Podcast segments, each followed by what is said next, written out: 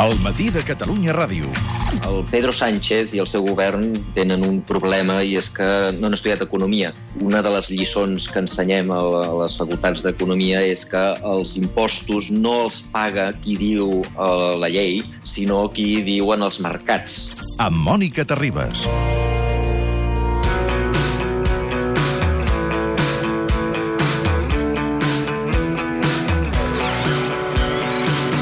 com cada 15 dies aquí al matí de Catalunya Ràdio, d'ençà de la primera temporada que vam començar al capdavant d'aquest programa, en Xavier Sala i Martín ens ajuda a entendre tot el que està passant, que té a veure no únicament amb l'economia, amb la macroeconomia, amb tot el que passa al món, sinó quan baixem ens n'adonem eh, com la gestió política a vegades intervé de manera positiva o negativa en el, el futur econòmic d'un país. El govern de Pedro Sánchez té el seu ministre exterior, Josep Borrell, contra les cordes amb múltiples peticions de dimissió, com sabeu, per aquesta infracció molt greu que li ha imposat la Comissió Nacional del Mercat de Valors. Per què? Per haver fet ús d'informació privilegiada d'una companyia, en aquest cas Abengoa. Ell ja va dir que no es va aprofitar de la seva condició de conseller d'Abengoa. Sentiu el que deia Josep Borrell i saludem Xavier Sala i Martín. Fue un error que puede constituir, de acuerdo con nuestra legislación, solo una falta administrativa y que además no afecta según la legislación vigente, a las condiciones que establecen mi idoneidad para ejercer una función ministerial. Pero también debo decirle que no comparto la resolución de la CNMV y que he mantenido con rotundidad a lo largo de la tramitación del expediente que no hice uso de información que hubiera podido obtener en mi condición de consejero. I un cop cau la multa, Xavier Sala i Martín, molt bon dia. Hola, molt bon dia. El fet de no plegar pot lesionar la confiança, fins i tot en l'àmbit econòmic, en un país que té un ministre d'Exteriors que no, diguem, pren les decisions adequades davant d'una infracció d'aquest ordre? A veure, jo no sé si, diguem, quines seran les implicacions de no dimitir o si hauria de dimitir i tal. El, deixa'm que, que expliqui per què jo crec que és una cosa molt, molt greu i molt important.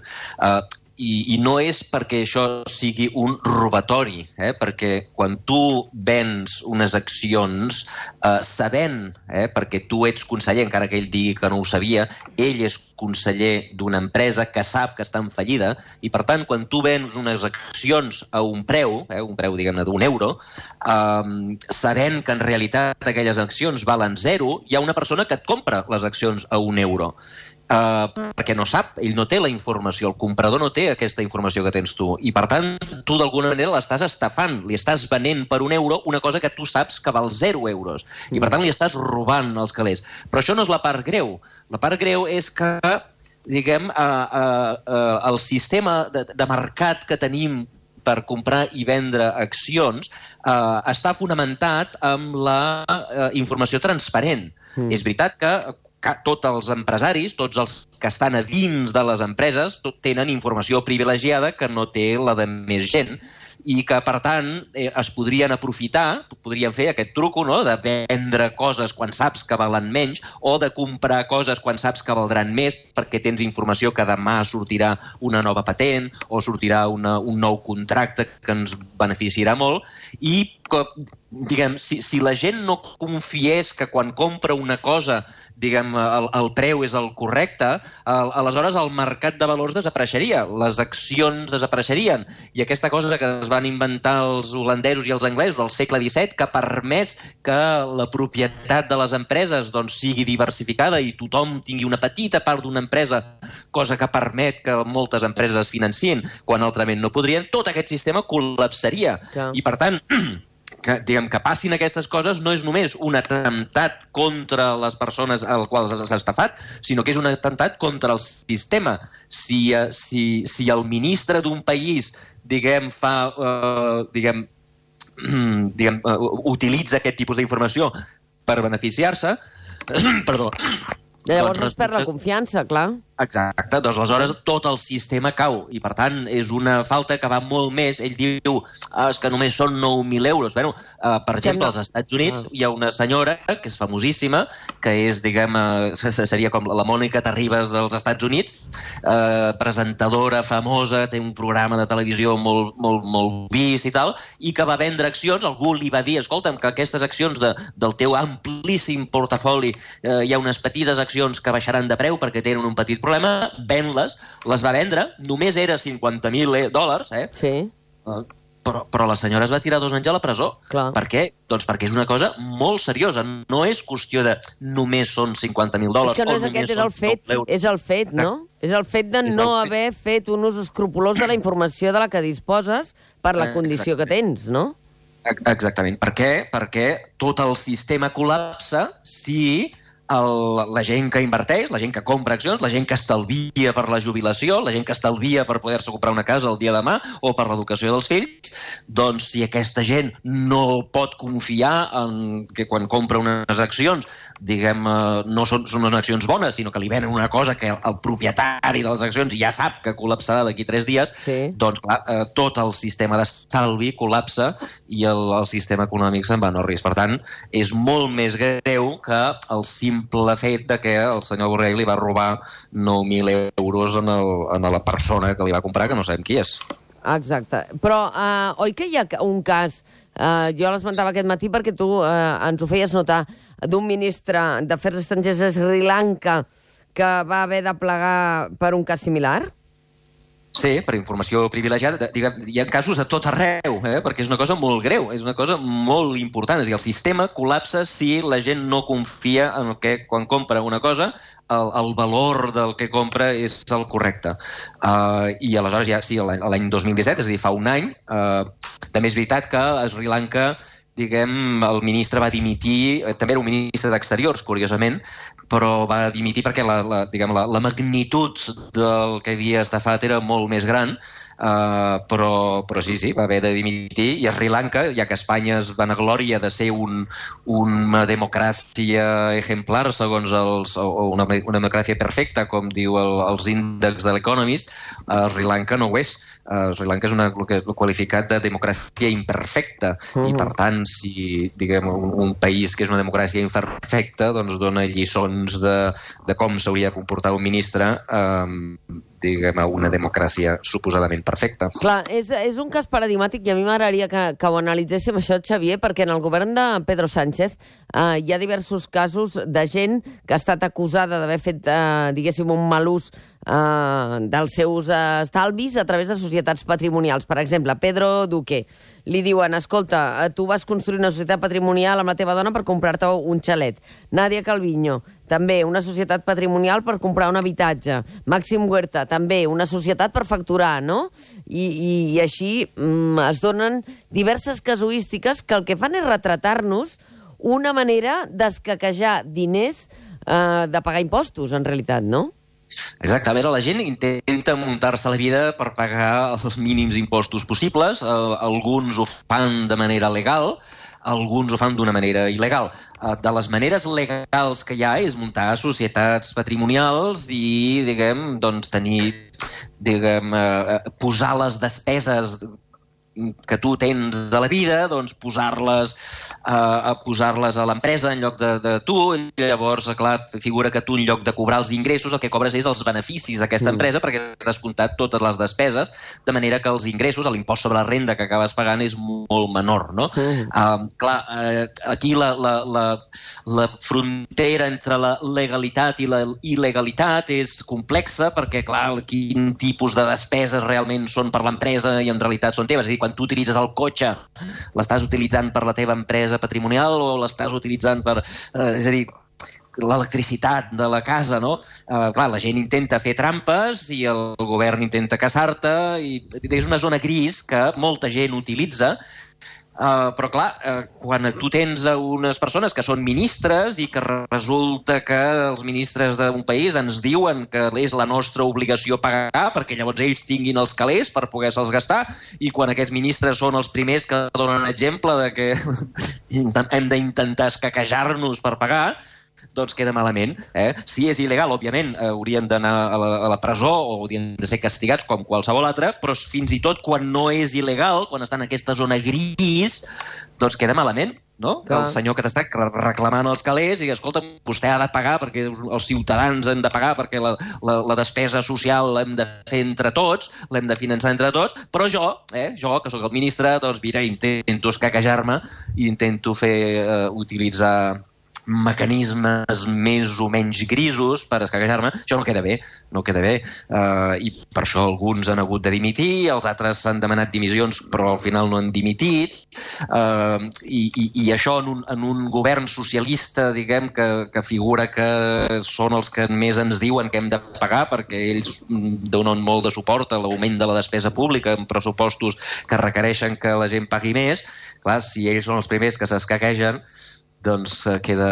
Queda molt poc coherent, vaja. Queda, es, exactament. Escolta, Xavier, hi ha una altra qüestió. Nosaltres hem parlat a l'informe Salai Martín del Brexit, eh, diguéssim de manera reiterada, però en el cas del ministre d'Exteriors, Josep Borrell, que per cert vaig pensar en tu aquest cap de setmana en dues ocasions. Una, quan, quan l'he sentit en aquesta conferència de la Universitat Complutense, que això ha sigut en les darreres hores, parlant de, dels indis americans i d'haver matat quatre indis. He pensat que, que, que tu que coneixes la història dels Estats Units, aquesta pel·lícula que va vendre Josep Borrell a la universitat t'hauria fet gràcia. I l'altra, l'episodi Gibraltar. Uh, quin et fa aquí l'episodi Gibraltar perquè s'ha posat molt en valor que s'havia aconseguit una negociació i no sembla pas que, que l'acord que han aconseguit el govern espanyol hagi, hagi estat eh, del, diguéssim, del grat de, ni de les dretes aquí i bastant mofat a, a Gran Bretanya, no? Sí, bueno, de fet, la premsa anglesa se'n riuen perquè fot, diuen sí, que sí. no han aconseguit res, eh? No han aconseguit res. Vull dir, quan, quan, el, quan Europa i Gibraltar, eh, quan Europa i, Anglat i el Regne Unit prenguin alguna decisió, doncs Espanya tindrà l última palabra. Eh, no sabem ben bé què vol dir això, eh, diguem... Eh, eh, no, no, no. La premsa anglesa, per, per entendre's, la premsa anglesa se n'en riuen eh, de, sí. de los grandes logros que han aconseguit. Mm. Sobre lo dels indis, a mi em sí. sembla que és una, un exemple exemple de l'arrogància... La, la, la, paraula, la paraula que, que em, o sigui, em, em crida l'atenció dues coses. La primera és que aquesta gent no té història, no? Sí. Per què? Doncs perquè en el cap del Borrell la història comença amb l'home blanc. Clar. Eh? Clar, clar. Eh, eh, Un cop us envaeixen, que... diguéssim, no? Exacte, eh, fins que... És igual que aquesta gent hagin estat visquent allà des de que van travessar l'estret de Bering fa 30.000 anys o 20.000 anys, no sabem ben bé quan, i van arribar des d'Àsia i han estat poblant. Tot això no és història, tot això és... Eh, no, no, no, no, no pinten res, no són ni sers humans. Eh? Ells comencen just quan arriben els blancs, quan arribem nosaltres. I, i, i clar, això és d'una arrogància intel·lectual que, és, que, es, que, es, que es veu molt eh? en els, diguem, en els llibres Ups, que et perdem. Uh, uh, ara, si estigués aquí Josep Borrell, digues que et perdíem, uh, Xavier. Xavier, ara, si, si estigués aquí Josep Borrell, diria que ell estava parlant de la fundació dels Estats Units perquè era el moment en què ho comparaven amb les complicacions que havien tingut els estats europeus per la seva complexitat i, històrica, doncs com uh, realment els Estats Units... Ell era molt diferent. Ara, ara et sentim. A mi. Digues, eh? digues, que no et sentíem ara, digues. Ah, no et sentíeu. Ah. No, dic que, la, que la, la història que li explicaven a la meva filla als Estats Units és molt diferent de la que m'explicaven a mi mm. eh, aquí, no? Eh, que aquí anava, figurava que anàvem els conquistadores i ajudàvem els indis i els, els, els ensenyàvem religió i tal i qual. Eh, clar, la història que expliquen des d'allà és una mica, una mica diferent. No van ser quatre indis que van morir, van ser 12 milions sí, d'indis sí que van eh, morir. Per tant, diguem, el, el número aquest ja és una, una vergonya. Però és que finalment hi ha una altra cosa, i és que fixa't el, el, el, en la seva ment, el, el Borrell parla de de, diguem, el, el, no tenen problemes als Estats Units perquè tenen una sola llengua. Com que van matar a tots els indis, o a quatre indis, doncs clar, es van quedar amb una sola llengua i això és el que els hi permet amb ells ser una societat, diguem, eh, favorable, cohesionada. Eh? Ell estava, diguem, estava lluant als Estats Units, estava lluant. Mm. Uh, I llavors, clar, uh, jo no sé si això es pot lligar amb el seu concepte de desinfectar una societat, no?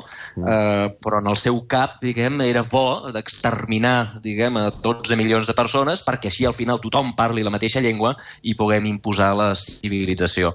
Aquest comentari és altament perillós i, i preocupant perquè, ara, dit això, també és casualitat que el fes el mateix dia que sortia la sentència aquesta de Bengoa. Tu creus que uh, això va sortir, que, que aquest estirabot el va fer per tapar l'altre?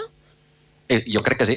Jo crec que tot això ho va fer, perquè fixa't, estem parlant d'això, eh, en lloc que és una cosa... És veritat, ara he demanat perdó, jo no volia dir, eh, en realitat sé que hi havia molts índios i tal, però, però compte perquè, clar, va sortir el mateix dia, casual, sí. casual. El Borrell és una persona que domina diguem, aquest món de la política i de la premsa i dels titulars i, i no sé si això ho va fer per tapar eh, l'altre escàndol, que és el realment gros. Eh? Una cosa és unes declaracions, l'altra cosa és haver diguem, no només estafat en els mm. compradors de les seves accions, sinó en el, en el diguem, estafat el sistema sí, i sí. posat en perill el sistema de, de mercat que, que, que, en el qual hem de confiar tots si, si volem estalviar. I en la tri triangulació que fa Xavier Sala i Martín entre Catalunya, Estats Units, eh, perquè està a la Universitat de Colòmbia, i Manchester, i per tant al Regne Unit, el clima allà sobre l'acord eh, del Brexit que ha d'obtenir, l'aprovació que ha d'obtenir l'amiga Theresa May el dia 11 de desembre, com està? A veure, el, el, hi havia tres punts de, de discussió, tres punts importants que, de, de, de discussió. Primera era, el primer punt era el deute, el que ha de pagar el Regne Unit per sortir. Sí. Saps que com que, com que diguem, les decisions... O sigui, el divorci, el divorci costa 40.000 milions. Exacte, com que, com que, com que nosaltres hem, hem pres decisions diguem, que, que, que, que haurem de gastar durant els propers anys i tu has format part d'aquestes decisions, en els propers anys tota la despesa que hem acordat tu l'has de pagar. I això hi havia un debat, a Anglaterra deien que no havien de pagar res, a Europa deien que havien de pagar 70-80 mil milions, sembla que s'ha acordat que la cosa quedarà al voltant de 50. Segona, els drets dels ciutadans, tant els anglesos, els britànics que estan a Europa com els europeus que estan a Gran Bretanya, no? com el Pep Guardiola, eh, doncs aquesta gent quins drets tindrà? Mm -hmm. eh, doncs Eh, eh, hi ha gent, i els, els anglesos, el, el, diguem, els, els, els que volien, els, els brexiteers, el que volen és trencar-ho tot i, escolta'm, cadascú tingui, eh, a partir d'ara això serà un país tancat, prou estrangers, eh, sembla que això no serà així, sembla que els drets de treball, d'estudiar, de reunir-se amb la família, etc entrada i de sortida, tots aquests drets es mantindran com a mínim fins al 2021, fins al 31 de desembre del 2020. Eh? I, per tant, aquest és el segon acord. I el tercer acord és el d'Irlanda del Nord, eh, sabeu que la illa d'Irlanda doncs, no, és, un, és, una, és un estat que és eh, eh, independent i, per tant, part de la Unió Europea, però a la part nord de la illa, és Irlanda del Nord, això és part de la Gran Bretanya. I, per tant, en el moment que ens separem, hem de posar una frontera, a partir d'ara, Uh, clar, uh, uh, uh, diguem, el Regne Unit no té problemes de frontera perquè, perquè és una illa, eh? o són unes illes, uh, i per tant l'única frontera que tenen, a banda de la de Gibraltar, seria aquesta. I llavors hi havia un gran debat perquè, clar, el problema que tenen amb Irlanda del Nord ha sigut un problema de terrorisme i de sí, l'ira sí. i dels acords de, de, del divendres sant, etc etc i no volien tornar en aquesta situació. De moment aquest problema sembla que s'ha arreglat a base de dir, doncs escolta'm, no hi haurà fronteres, de moment, fins que, és a dir, tindrem un tractat de lliure comerç durant dos anys.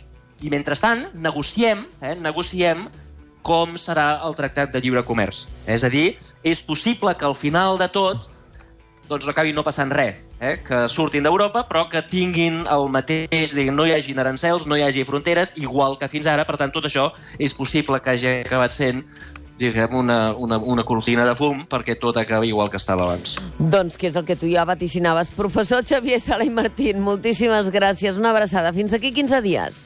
Igualment, a reveure.